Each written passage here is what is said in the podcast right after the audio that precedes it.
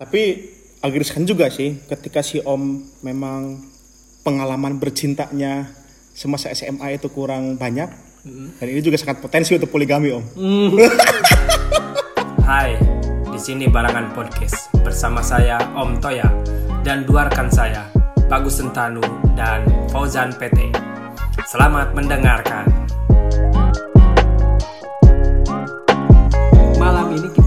Kesempatan lagi nih ngobrol-ngobrol lagi. Yo mari. Kebetulan eh, saya eh, ada tamu nih, ya nggak? Kita kita ada tamu nih. Iya.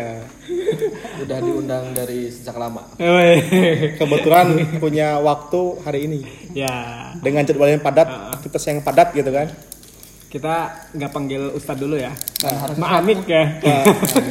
Dan harusnya saya pulang sekarang. Jadi eh, kita mau bahas tentang poligami tak semudah memuntahkan sperma ke lubang baru. Ini sebetulnya menarik Om, karena berhubung eh, di sini ada narasumber yang baru juga eh, banyak perspektif ya dalam pandangan agama, dalam pandangan sosial, dalam pandangan ilmu pengetahuan lain-lainnya kan. Saya Atau suka proses ketemu kontemporer tiaranya saya lainnya. suka. Iya. Ini Mbak, nanti Quote-nya. bisa jadi judul atau enggak gitu. Iya. Jadi poligami itu tak semudah memuntahkan sperma ke lubang baru.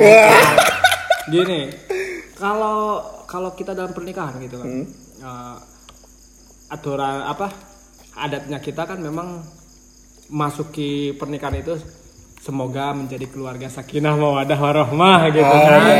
Amin gitu. Artina Artina. Artinya apa? Artinya? Ya itulah. Ya itu. Pokoknya pada ngerti lah, pasti baik gitu. Jadi tapi di sini ada ada kita punya tiga tangan untuk Iya. merangkul gitu, Nah, A- atau lebih. Iya. Ya, rangkulannya itu memang banyak gitu. iya. Eh, poligami itu kan identik dengan cowoknya yang yang mempunyai, Mempunyai. hubungan status perkawinan eh, lebih dari satu, ya lebih dari lebih dari satu. satu.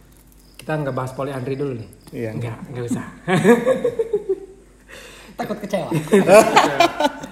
Jadi ya eh, gimana sikap harusnya sih memang ada pelaku atau tokoh yang kita hadirkan adalah seorang yang pernah berpoligami. Poligami. Sayangnya kita belum mencoba. Mungkin lain waktu Om. Mungkin lain Lain waktu. waktu, Iya, lain iya. waktu. Ya, penakut semua.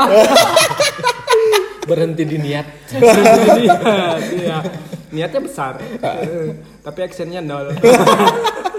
Karena tidak mampu. Eh, yang kita bahas apa ini kira-kira ya? Jadi sikap seorang seorang laki-laki itu potensi yang membuat eh, seseorang itu Berpoligami. keinginan berpoligami Poligami. kan di luar syariat lah ya. Iya. Kita di luar syariat. Zaman sekarang lah ya. Kita kita nggak munafik juga gitu. Zaman sekarang hampir rata-rata memang eh, punya proses dari sebelum nikah sampai setelah nikah punya pacar atau segala macam akhirnya menikah dan itu kan variabel storynya Iya. Tapi agak riskan juga sih ketika si Om memang pengalaman bercintanya semasa SMA itu kurang banyak. Dan ini juga sangat potensi untuk poligami Om. potensi besar ya Iyalah. Iyalah. Jadi Kalau saya sih soal tuntas soal itu Om. Sudah selesai saya mah. memacu para pemuda kita untuk eh, bercinta sebanyak mungkin gitu ya enggak juga sih. Enggak, enggak, Ya enggak juga sih. Enggak, janganlah Janganlah, jangan ditiru lah. berpacaran secara syariat apa itu ya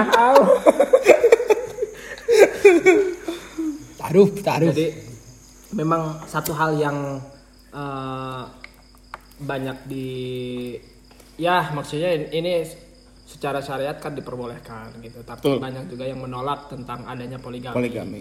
Karena ya ada beberapa hal atau beberapa alasan yang eh, Hmm. Betul. apa ya bertentangan, Tentangan lah. ya, bertentangan Secara adat lah. secara adat. Secara gitu. adat. Ya. Artinya kan gini Om. Siapa sih yang rela perempuan itu di nomor dua kan kan gitu. Iya. ya kan? Iya. Iya kan? Ya maka kemudian eh, apakah dia mau untuk di nomor dua kan kan tidak. Apakah selalu jadi nomor dua yang pertama itu? Biasanya sih yang nomor dua yang paling menarik sih daripada nomor satu. Oh, Utama berarti. Iya. Dua itu utama. Iya. apakah ayah hanya itu sebatas apa? Eh, depend aja om. Define. Defend ya. Ya bisa jadi define dia. Eh, karena kan gini ya, laki-laki itu memang eh, Banyak siasanya. memacu- memacu hasratnya itu memang sangat apa ya, sangat tidak terkontrol mungkin gitu mungkin. Yang kita yang kita pikirin di luar orang-orang yang tidak berpoligami, Iya. kita kontra terhadap poligami. Contoh kalau kita kontra terhadap orang-orang poligami, tidak mungkin di hati kecil kita, ya siapa tahu kita juga bisa berpoligami gitu loh. Tapi eh, poligami ini ti- tidak semudah yang Kita bayangkan. yang kita bayangkan. Ketika terpikirkan poligami gitu, Mm-mm. emang sih kelihatannya enak, gitu. Enak ya. enak gitu. Tapi eh, Pada nyatanya pada nyatanya stepnya banyak banyak sekali ya. rintangan-rintangannya, godaan-godaannya. sudah terpikir kan Iya. sana ke sana gitu. Apalagi ini yang sudah menikah-menikah, pasti banyak godaannya kan. ya iya Iya, iya. Jadi peluang-peluangnya juga banyak juga. Heeh. Rumput tetangga itu lebih menarik om. iya. Eh, kayak gimana sih eh, cewek yang berpotensi bisa diajak poligami saya nggak ngerti nih Hmm. sampai segimana dia meyakinkan bahwa eh, si perempuan ini rela untuk dijadikan istri yang kedua gitu Ah. ya nggak Ini kita lepas dulu berbicara soal prinsip keagamaannya. Ini dalam kacamata sosial ataupun kacamata eh, masyarakat atau pandangan umum ya om ya. Ah, Nah, biasanya sih rela itu dia dipoligami karena pertama soal ekonomi, ah, soal ekonomi. Ah, Yang, yang kedua adalah soal eh, status eh, masyarakat kan, ya. karena mungkin ini butuh kehidupan yang layak ataupun butuh eh, masukan-masukan yang sifatnya cukup, maka kemudian ya dia merelakan untuk dijadikan sebagai istri kedua. Ya, dukungan juga pal- du- dukungan juga penting dari beberapa keluarga. Kita harus persetu- persetujuan dari beberapa sanak saudara dan segala macam gitu loh. Nah, eh, apa biasanya Mm-mm, untuk seorang suami mm-mm, yang akan melakukan poligami mm-mm. itu ada nggak sih aturannya dalam agama kita itu boleh berbohong dulu gitu loh. Nah, Nah. untuk minta izin itu loh. Iya nggak? terkait izin berarti ya minta izin kepada Iya, minta izin. Sebenarnya simpelnya Sebentar, saya pernah dengar gini ya. Untuk untuk aturan eh, tentang poligami, kita itu tidak para kiai atau para pemuka agama, Mm-mm. kita itu memang ada rahasia tertentu yang tidak bisa dipublikasikan ke masyarakat secara luas bagi orang-orang yang mengerti aja Mm. bahasan tentang poligami ini. Jadi ada batasannya. Karena ya bisa bisa ditebak nggak? nggak nggak nggak nggak tahu itu apa gimana maksudnya. Itu yang tadi diobrolin. ya awalnya memang kebohongan mungkin. Kebohongan ya. Mungkin. Intinya kan secara syariat pun kan mengatakan bahwa eh, syarat poligami itu cukup dengan dua ya. Dua. Satu adil, yang kedua kemampuan untuk memberi nafkah.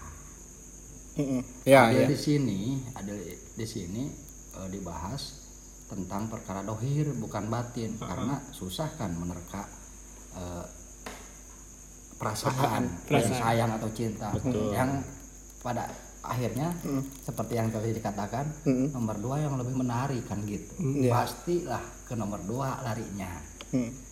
nah di selain dua itu tidak ada syarat termasuk izin ke istri pertama Ya, betul. cuman ba- bagi orang yang berakal mungkin ya Hmm.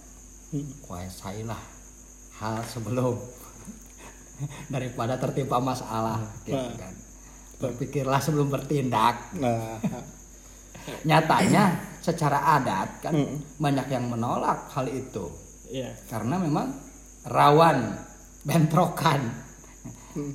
dan juga tadi disebutkan perlunya dukungan dari keluarga faktanya Hmm. keluarganya banyak yang tidak mendukung berarti memasukkan kehendak cek ya. paribasa rada daya karena rujur sia gitu Tapi ini menarik Om. Ini kelanjutan yang kemarin membahas soal duda dan janda. Iya. Ini kan eh, kita beropini seperti ini kan nggak jauh dari sana. Sana. Gitu. ha. Berkembang Berpeluang lah dan potensi ya, Iya, iya. berpotensi. Iya, betul. Karena memang duda itu sebagai Sosok eh, yang sosok lebih yang lebih menggoda. iya kan. Dan, Dan kemudian janda. pasti heeh. dan janda sosok yang apa? Suka berkuda-kuda.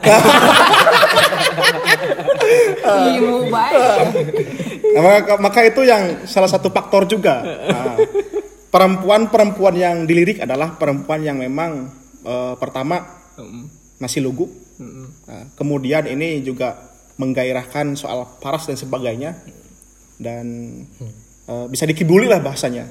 Bisa dikibuli. Bisa dikibuli lah. Kibul itu berarti bohong. Ya. Kibul itu kan bohong. Berarti kan eh, Digombali. dibohong. Digombali, berarti digombali mungkin digombali ya.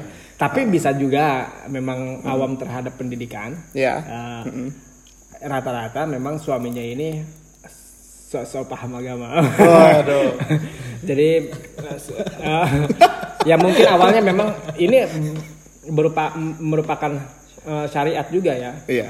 eh, tentang apa dibolehkannya poligami tapi memang awalnya berawal Ada dari persyarat ya? kegemaran. Ah, ah. Saya nyimak aja deh temanya licin. Tapi ini Om dalam kacamata Kuda. eh, kuda. eh, kacamata kekudaan. Eh, Kacamata kekudaan. Sebetulnya untuk berpoligami itu banyak ya ketidakadilan Iya. dalam proses eh, kasih sayang, Iya. dalam proses untuk melayani kan dan sebagainya. waktu Waktu dan sebagainya kan gitu. Maka menurut hemat saya sih satu aja tidak cukup, eh satu aja cukup gitu, Ya. apalagi nambah yang lain. Kalau misalkan selesai ya. dalam wilayah itu mem- memuntahkan sperma itu kan om, Ah. ya kan, itu kan lebih baik menghabiskan waktu untuk yang lain-lainnya. Ya mungkin karena mereka itu hasad atau gairahnya lebih tinggi lah. Heeh. Heeh. Jadi eh, ad- apa ada dikutip dari buku yang berjudul Ijtihad Kiai Husain gitu ya. Hussein Muhammad. Ah, ah, Husain Muhammad. Hussein Muhammad. Itu menyebutkan ada tiga pandangan nih. Ada tiga pandangan terhadap poligami. Pertama emang poligami ini adalah sunnah alias mengikuti perilaku Rasul. Rasul. Ya kan? Betul. Hmm. Keadilan yang eksplisit disebut dalam Al-Quran cenderung diabaikan tapi Mm-mm. ya nggak? Ya. Atau hanya sebatas eh, argumen eh, verbal belaka, Mm-mm. ya nggak? Ya. Ya sekelas Rasul ya, sorry toladan juga. Ya kita kita apa ya? eh, Kan begini om, kan begini. eh, yang kedua dulu. Oh, iya. Yang kedua dulu. Oh, iya. Sorry, yang sorry. keduanya adalah pandangan yang memperbolehkan poligami dengan syarat-syarat yang ketat. Gitu. Kita nggak membeberkan syarat-syaratnya yang ketat itu loh.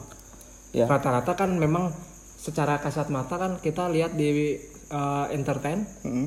di apa namanya di TV-TV Mm-mm. gitu. Apa ya namanya? Bukan entertain, infotainment. Infotainment. Infotainment Betul. gitu. Eh, kenapa sih yang berpoligami itu eh, istri keduanya potensi cantik? Nah. Cantik ya. Ah, Ada juga yang menilai yang julid mah ih padahal garis kanan kahiji Nah. dadai kanan kan kedua berarti kan ya itu nggak muluk-muluk eh, kita menilainya lewat paras. Eh. paras kan? Gitu. Nah yang ketiganya adalah pandangan yang melarang poligami secara mutlak. Nah, perbedaan pandangan ini kan berkaitan dengan ya menafs- menafsirkan surat An-Nisa gitu. Ada jaluk kobun al nisa. ya iya betul. Gimana nih? Ah. terus? Jadi gini ya, kalau perempuan itu kan yang sah aja, Ya. yang satu aja, Ah. itu kan nggak habis habis nggak habis habis, ya kan? Karena rentan untuk fitnah. ya gimana gimana mau habis orang sekarang punya serep itu kan rentan oleh, oleh, fitnah kan. Terus gerakan gerakan Nabi Muhammad ini kan gerakan kemanusiaan menurut saya. Ini kan janda yang dia nikahin itu kan, karena perempuan itu mengandung fitnah dan banyak sekali potensi untuk menjadi hal-hal yang stigma kurang baik lah gitu. Maka alangkah lebih baik itu dinikahi dan untuk potensi menafkahi orang janda itu dan kemudian mengurus anak-anaknya itu. Nah, selain selain visi misi dia penyebaran dalam konsep keagamaan, dia juga sangat besar dan erat ngomongin soal kemanusiaan. Om. oh iya iya Nah, maka di situlah gerakan-gerakan Nabi Muhammad itu yang perlu kita contoh sebetulnya. Bukan malah ini potensi yang lebih menarik dan lebih menggoda dalam hasrat biologis kira-kira seperti itu. Ah. Karena perempuan itu ya sebetulnya bukan berarti mendiskriminasikan, mendiskriminasikan perempuan, tapi memang ketika kita melihat perempuan itu banyak sekali fitnah ataupun banyak sekali godaan. Kalau misalkan kita hanya lihat dari soal sisi-sisi sisi keseksiannya. Tapi kalau misalkan dari sisi-sisi lainnya mungkin banyak juga potensi perempuan yang harus dikembangkan. Itu sih kira-kira. Iya, potensi misalkan misalkan potensi dia itu pinter dalam eh, berekonomi pinter dalam ber- eh, ngomongin soal Pendidikan. eh, pendidikan. apa Ah, untuk dan pengetahuan untuk- apa gitu. Ih ini menarik ya. ini, eh, nah, tergantung sudut pandang kita ternyata om. Misalkan gini eh, perempuan itu baik kok dalam soal proses eh, memahami soal pendidikan misalkan atau pengetahuan apa yang dia expert lah bidangnya. Dia lihat itu kan bukan soal soal seksnya kan berarti kan sah saja kalau misalkan soal seksnya itu kan menimbulkan lain-lain Ya. nah itu Ki. Nah, sikap si laki-laki kan eh, adalah tergantung kita yang memandang ya Iya. memandang menonjolkan jiwa kepemimpinan. ya itu Jadi ya- yang bahaya itu yang menonjol menonjol loh ya, menonjol biasanya menimbulkan yang ketergantungan, tergayot. tergayut Jadi eh, kan memang sikap laki-laki itu kan eh, penuh dengan rasa tanggung jawab ya, penuh Ya. dengan ya kemarin kita bahas tentang duda dan dan janda. canda Kalau jan kalau duda itu eh, terlalu menonjolkan kepemimpinannya gitu. iya Jadi ya kepastiannya mm, jadi gitu. Kayaknya kemarin gak kayak gitu deh. Oh enggak ya. oh enggak Ini karena lagi ada tamu aja. ah, gitu Tapi ngawurnya. nah ini dalam pandangan eh, Jadi tamu kita, gimana kira-kira kita nih kita nggak bakal nggak bakal menyuruh tamu kita untuk berbicara ya bicara aja ngelak oh aja. bebas bebas berarti bebas bebas oh iya iya Ini iya masalahnya kalau saya banyak bicara, takutnya dianggap mau hal itu. kalau lihat Berambisi dengan hal itu. Nah, itu dia eh, menarik ya. Eh, ketika misalkan tadi disebutkan bahwa ada aturan-aturan yang yang ketat dalam kalau misalkan si laki-laki itu mau berpoligami gitu. Ah, ah. Jadi eh, berarti kan si makhluk laki-laki ini. Jadi punya punya apa ya punya sifat-sifat yang organik gitu. Jadi maksud dari yang organik itu bahwa hampir atau sebagian besar dari laki-laki itu memang eh, apa ingin memiliki segala sesuatunya itu melebihi dari satu misalkan. Con- ambil contoh lah istri gitu. kemudian ya lahirlah itu. Aturan-aturan eh, atau syarat untuk melakukan poligami gitu kan. Ya yang tadi disebut oleh kami kan ada dua gitu ya. Ya. Sedikit loh dua tapi berat banget gitu. Nah, Iya. itu, kan ketika memang secara nafsu mah kita juga pengen. Iya ya. ya wajar lah. Wajar. Kita punya sikap serakah juga. Kan kita juga Nah, punya yang kan gayot-gayot oh diakui oleh kita yang kita berdua ya yang sudah nikah. Satu juga susah memang ada ada ada potensi memang ada potensi dari seorang laki-laki untuk bisa ke sana. Eh, satu mungkin eh, mapan. Ya Ma- betul. kemapanan Mm-mm. di mana secara dohir bisa berkemampuan untuk membagi nafkah lahir gitu kan. Nah, yang kedua, kalaupun keluar dari kemapanan, justru dari sisi wanita yang menarik untuk kita bisa Mm-mm. apa sih namanya memenuhi keinginan itu. oh ya Seperti halnya begini, saya kurang mapan nih. Mm-mm. Tetapi ketika saya, sosok orang yang disukai oleh so- banyak wanita lah gitu, banyak wanita. Terus ada sosok wanita yang memang kan sangat potensinya untuk di poligami misalnya kayaknya karakter oh, seorang wanita apa ketika sudah suka ya susah dihilangkan ya. Iya, iya. Bahkan sampai tembus ke cinta. Waduh. Narik-narik saya gitu kan. Ah. Walaupun saya tidak mapan, tidak narik narik isi sarung ya bukan jadi alasan gitu. Ah. Dia mau ke saya gitu. Mm-mm. kemapanan bisa jadi saya memenuhi karena memang secara hasrat juga pengen gitu kan kalau apa memang laki-laki ini tak tahu diri sih sebetulnya Nah, Ya. kalau Mm-mm. memang udah nggak mapan keinginan poligaminya kuat. Kuat. Memang pondasinya ada dua, gitu. Akarnya ada dua. Apa? Ya batang satu, akarnya dua. Memang gitu. Cuman begini ya, saya pernah ngobrol dengan beberapa mungkin latar belakang bos lah ya. Iya. Bos. Bos yang memang dia juga eh, memperhatikan relasi-relasi sama bosnya gitu kan, sama bosnya. Yang ketika pengalaman usaha dari nol, dari susah orang susah, terus melejit usahanya sampai jadilah seorang bos tergoda oleh seorang wanita. Itu kebanyakan kok usahanya malah bangkrut Hmm. karena memang mungkin ya mungkin. Alasan-alasan yang bisa membuat bangkrutnya itu tidak didasari dengan Niat yang tulus. mungkin satu itu yang kedua berpikir matang. Hmm. hanya sebatas berpikir tentang tadi Biologis ya? biologis. Sementara gitu kan. Eh, dukungan-dukungan dari keluarga atau bahkan istri pertama secara batin ya sama doanya atau apanya gitu kan. Termasuk dohirnya gimana masyarakat tidak respon lagi kepada orang tersebut. Ya. sehingga membuat usahanya ambruk. Gitu kan. beda dengan nyata-nyata orang yang memang secara apa sih alasannya atau secara tanggung jawabnya lurus gitu.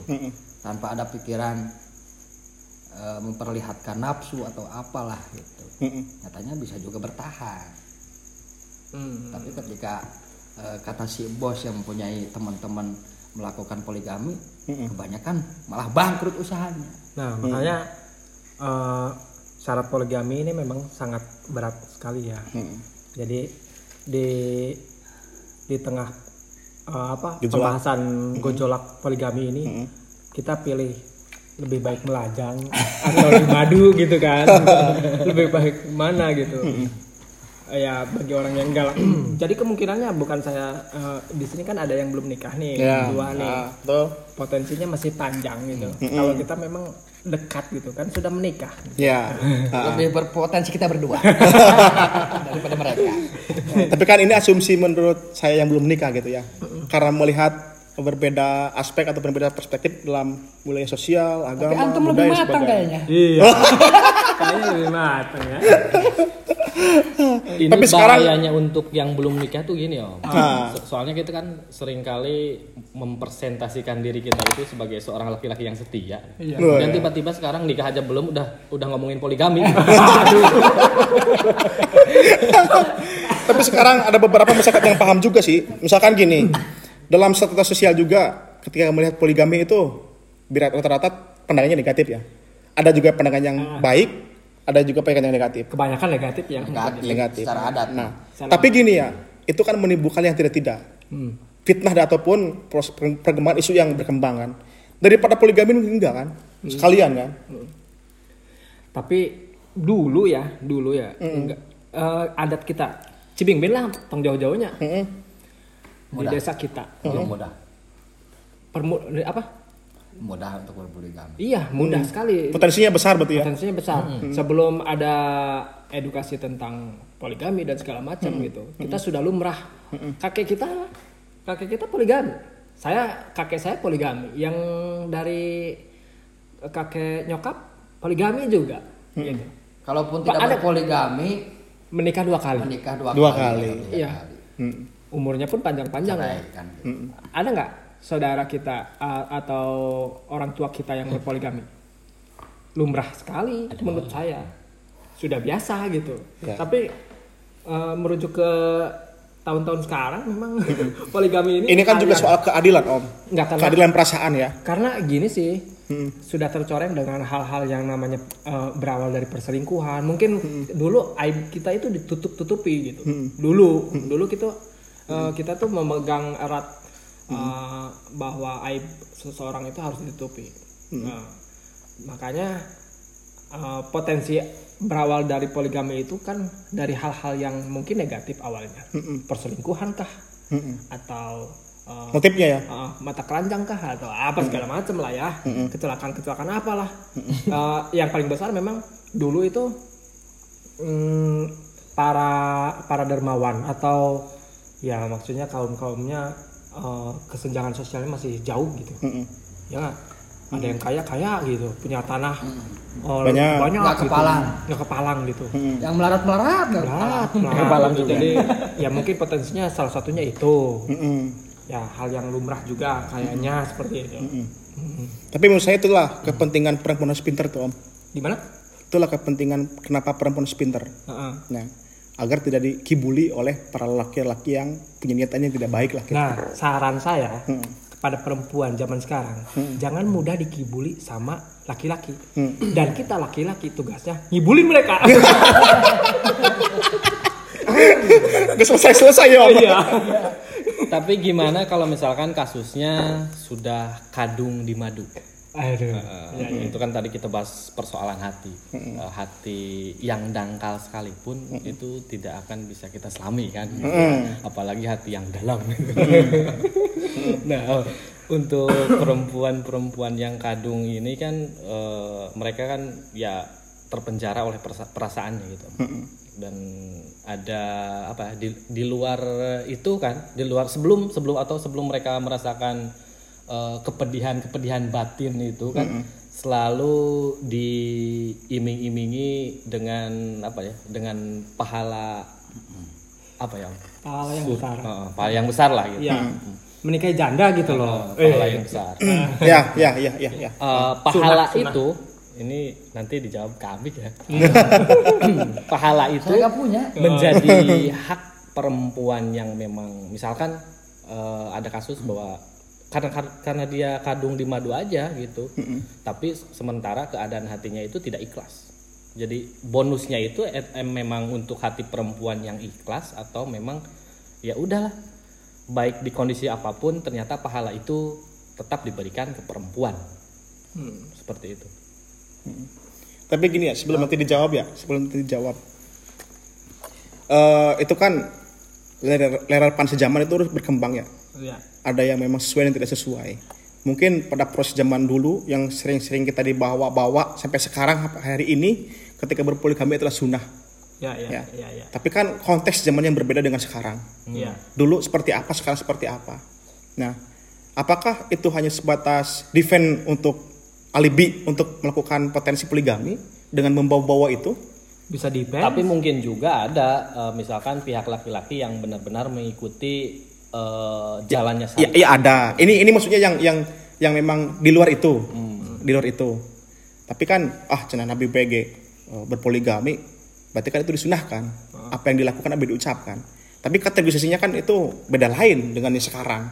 Biasanya kita sih orientasinya yang lebih muda, yang lebih menggoda. Oh, iya. Apalagi yang bisa kekudaan ya Om. Iya. itu kira-kira. Nah silakan kami Bingung ya. Jadi bolehkah poligami gitu kan? Saya sendiri ingin. Ya, kalau, kalau merujuk pada syarat poligami kan lebih ke dohir kan ya. Iya, iya. Faktanya ketika memang dohir tidak terpenuhi, batin juga akan ikut-ikutan. ikut mendohirkan. Oh, iya, iya, iya, iya, iya. Mendohirkan, memperlihatkan diri. Adapun ketika wanita kadung ya, sudah ber- di poligami, kan, Kepalang lah. tanggung jawab. Cek paribasan nama. Ya intinya ketika selama memang si suami itu eh, sudah berkewajiban, ya, Iya. sudah mampu melaksanakan kewajibannya, kenapa enggak? Ketika adil tadi masalah adil dalam perasaan, justru saya susah untuk memprediksi itu. Karena itu dalam hati kan, Iya. kasih sayang mungkin. Karena satu tangan digenggam, digenggam oleh dua tangan itu tidak akan menghadirkan kehangatan. Iya. Cuman kan gini Kak Amik, dalam dalam saya saya ingin ingin memahami secara eksplisit ya. Saya eksplisit mengenai soal tadi konsep adil. Iya, iya. Adil itu kan misalkan dalam perspektif hubungan saja, ekonomi saja, kasih sayang saja, perhatian saja apa apa. Apakah semuanya ataupun ada lain yang dibahas oleh saya tadi? Kira-kira apa adil ini? Adil itu kan seperti tadi Mm-mm. untuk kaitan dohir, Mm-mm. waktu, Mm-mm. nafkah Mm-mm. dan lain sebagainya tidak berkaitan dengan perasaan. Karena faktanya orang yang mempoligami eh, dasarnya kan saling cinta juga kan. Ya. Iya kan? Itu udah mewakili semua perasaan kan. Seterusnya ketika memperbandingkan antara istri pertama dan istri kedua ya tentu susah untuk disamakan, pasti beda kan. Mm-mm. Kalau disamakan adil susah. Kembali ke istri kedua lebih menarik. Ya, ya, ya. ya. Tapi saja kan.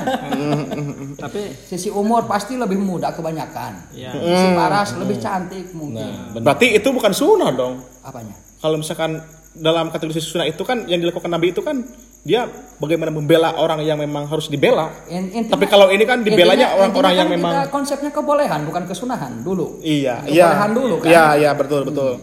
Soal Dibolehkan lain-lainnya kan. ini. Heeh. Adapun kesunahan bagaimana nanti ketika menjalankan rumah tangganya Oh, iya, apakah iya. memang sesuai syariat atau tidak dan poligaminya ketika sesuai syariat menjalankannya adil dalam nafkah lahir batin lah pokoknya gitu kan tentu dong sesuai juga dengan sunnah gitu. Hmm. Jadi tidak harus statusnya eh, kanjeng nabi menikahi janda kita juga harus janda lagi gitu Enggak. itu mah hanya sebatas Nah, ini kayaknya eh, sama seperti hal eh, justifikasi bagi orang yang sudah berpoligami gitu. Seperti ini pembelaannya.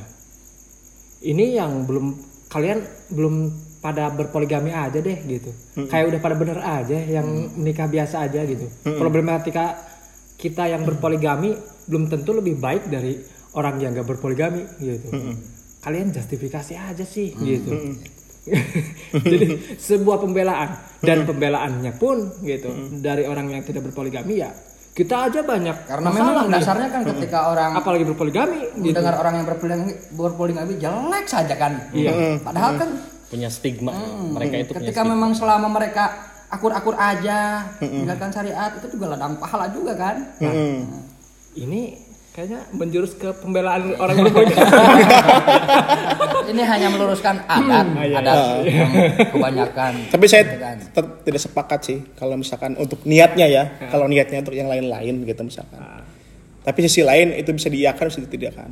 Tapi untuk untuk sekarang enak begini enak begini jadi nah intinya ketika memang satu satu alasan mungkin ya. Ketika ini mah di satu satu kejadian mungkin jarang juga terjadi. Ketika kita tidak berpoligami dikhawatirkan kita lebih memilih untuk berzina bagaimana? Eh gini deh, Nah, gini niatnya deh. kan bukan sunnah dulu lah gitu. Ya. kan itu ke- kewajib kan Eh gini deh. kita kita samakan dengan orang yang niat nikah satu istri lah sebelum poligami gitu. Eh, saya gini deh, contoh hal. saya konsultasi deh, Pak. Saya ini hormonnya tinggi nih. Kalau Luber. Iya luber gitu loh. Saya ini subur banget gitu. Ya. Kayak Pak Subur gitu. sering kebuang Nah, saya tergolong mampu. Jadi eh, mampu dalam arti saya mampu jajan loh gitu, gitu kan itu bahaya ya. mm, Nah, sedangkan istri saya nih masih masih suka head juga gitu kan ada batasannya. Sedangkan saya subur. Nah, Bolehkah saya berpoligami? Itu udah jadi syarat belum ya? itu udah jadi syarat kalau laki itu dibolehkan untuk berpoligami. Boleh. Kalau secara Hanya sebatas itu. itu. Iya, dibolehkan. jangankan poligami kan misal ketika ngomongin berkemampuan untuk tanggung jawab nakah ya Iya. untuk menikah yang pertama aja syariat tidak menghalalkan untuk menikah ketika tidak ada kemampuan untuk memenuhi nafkah Hmm. itu saja apalagi Ya, poligami apalagi kan poligami. Dua. Jadi lebih berat ada kategorisasinya om, Oh, kategorisasinya. iya, Misalkan kita mampu nggak untuk membiayai atau misalkan menafkahi soal istri yang pertama, misalkan gitu. Walaupun memang secara secara haknya perempuan juga bisa diceraikan. Nggak menjurus ke konsep adil tadi Adil tadi, ya. Bisa, bisa. Bisa, bisa. Jadi Bisa ada, ada pertimbangan juga, maksudnya ada pertimbangan juga. Ah. Apakah kita mau berpoligami atau tidak? ah. Tapi untuk saya sih ini saat ini saya itu ya menurut Satu saya dulu jangan aja. lah. Satu dulu aja lah. Itu juga belum. Saya langsung dua enggak, enggak, enggak, enggak gini. Jadi kita kapan? kita lu aja kali Jadi perempuan tuh eh, apa? Kita tuh nggak memang nggak mengerti ya gimana perasaan perempuan. Satu sisi kita eh, apa eh, adil terhadap hak-hak perempuan gitu. Kita boleh secara secara apa rules poligami atau aturan poligami kita jalankan gitu. Cuman untuk masalah hati gitu. ya. Mm-mm. eh, Susah ditebak tadi ya, walaupun sudah tidak bisa ditebak ya. gitu ya si suami juga nggak bisa tebak gitu dia apakah dia adil apa enggak gitu ya berarti bukan bukan perihal itu bukan jadi syarat gitu loh ya ya enggak nah perempuan juga mau itu terpaksa atau tidak ya itu bukan jadi udah bukan jadi syarat lagi gitu ya enggak kamu di poligami mau suka atau enggak ya yang penting sudah sah kamu udah di poligami Ya. ketika eh, nyatanya gitu setelah mengarungi rumah tangga berpoligami akhirnya tidak suka ya ada hak juga untuk menceraikan gitu cuman ah Mungkin saya sih gini ya Om ya. Berat ya untuk tidak berpoligami. Misalkan misalkan ya kalau sudah sudah berumah tangga. Pertama, dia itu sudah mendedikasikan terhadap diri saya sendiri dan kemudian saya sungkan untuk berpoligami. Karena yang pertama itu ya lebih banyak pengorbanannya dalam merintis ataupun soal apa pun itu yang menemani kita pahit manisnya gitu kan. Ya itu kan saya menurut saya ada kasihan ketika diduakan kan gitu. iya Sejatinya perempuan mana mana ada yang mau diduakan Om. Coba tanya semua perempuan apakah mau diduakan tidak. Kalau misalkan keterpaksaan. itu sebelum ada keinginan faktor keinginan mah beda lagi ngomong. Nanti ada yang mendominasi. Gitu. Ah. apalagi misalkan dari syarat yang dua tadi itu hanya salah satu aja yang kita kuasai misalkan kita salah satunya juga ketika ada kekecewaan dari istri pertama. Itu yang dikhawatirkan. Ya. betul betul makanya ngobrol. Pengalihan boleh boleh boleh. Jadi gimana nih para pendengar? Mau poligami itu enggak? gitu? ya. Tapi ada gak sih eh, orang yang silakan komen terhasut di bawah. terhasut misalkan saran-saran dari orang lain? Misalkan ada suat- seseorang yang ditokohkan gitu. Misalkan saya dekat dengan Kak Amik gitu. Mungkin. Kak Amik terus kemudian Gus kamu kayaknya udah pantas deh eh, punya istri dua misalkan. Suatu ketika ya. Eh, resikonya apa sih untuk untuk si maksudnya apakah si yang ngasih saran itu tidak punya beban yang dia akan dia maksudnya beban moral gitu Iya kan ada ada apa ya federasi orang-orang yang berpoligami sampai ada seminarnya gitu ya. Itu kan seminar dengan harga iya seminar dengan harga. Oh gitu ya? ya, ya walaupun itu eh, ba- ber apa ya bermaterialistis. Tapi eh, satu sisi di situ federasi yang menguatkan bahwa opini poligami itu perlu diyakini dengan kesungguh-sungguhan gitu, ya nggak? Eh, dengan cara ya itu dengan cara persatuan opini gitu ya. Orang-orang untuk apa? Untuk meyakinkan.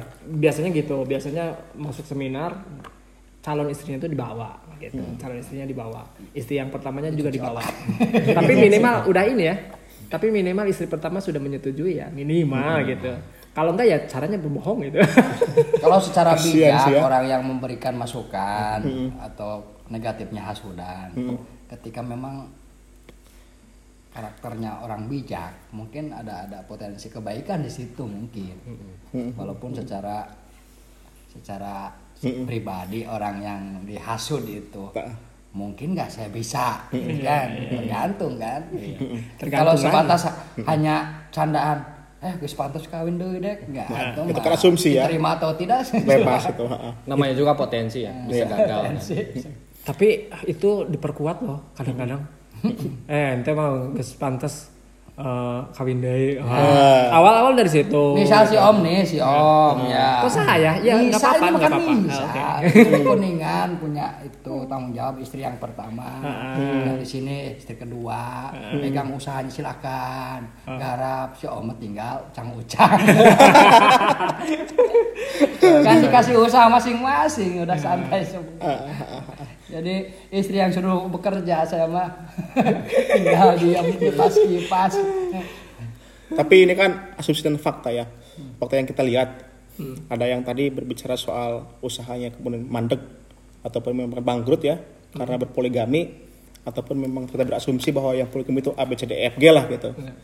Tapi ya banyak varian lah, banyak varian variannya lah eh, dalam melihat itu. Tapi pada faktanya juga yang memang tadi juga dijelaskan oleh yang sudah menikah satu aja repot ya Satu Resiko aja repot. yang paling mungkin kebanyakan juga kebanyakan ya. Kebanyakan. Resiko negatif mengalahkan salah satu. ya ketika Ya. mungkin setelah berjalan dan tidak harmonis bisa jadi yang dibela yang kedua yang satu yang pertama dicerai atau mungkin sebaliknya karena tidak ada dukungan dari pihak yang pertama yang kedua kembali ditendang gitu kan bisa juga karena memang tidak mampu kayaknya gitu kan Tadi tapi kan ada juga sehat yang meng- mengatakan seperti ini. Perceraian itu kan tidak boleh. Hmm. Perceraian itu tidak boleh. Mm-mm. Ya. Tetapi ya kan makruh hanya sebatas makruh itu pun ketika memang perceraian itu lebih membawa kebaikan daripada mempertahankan memang ketika ada potensi bisa diperbaiki ya jangan jangan cerai Betul. faktanya ketika kita melihat proses perceraian Iya. dari sebuah rumah tangga melihat melihat di kantor KUA ya itu ada usaha menyatukan dulu sebelum Oke. sebelum memenuhi keinginan Oh, di di di diperbaiki dulu. iya silahkan komunikasikan dulu ayo dari dari pihak hakim yakin atau enggak gitu kan? iya kan Ah, ah. Tidak semudah itu Ingat perceraian. loh punya hutang masih punya hutang berdua gitu. Biasanya yang berat itu gitu. sisi materi perceraian lebih mahal loh daripada nikah Oh Iya. mending nikah lagi daripada cerai mah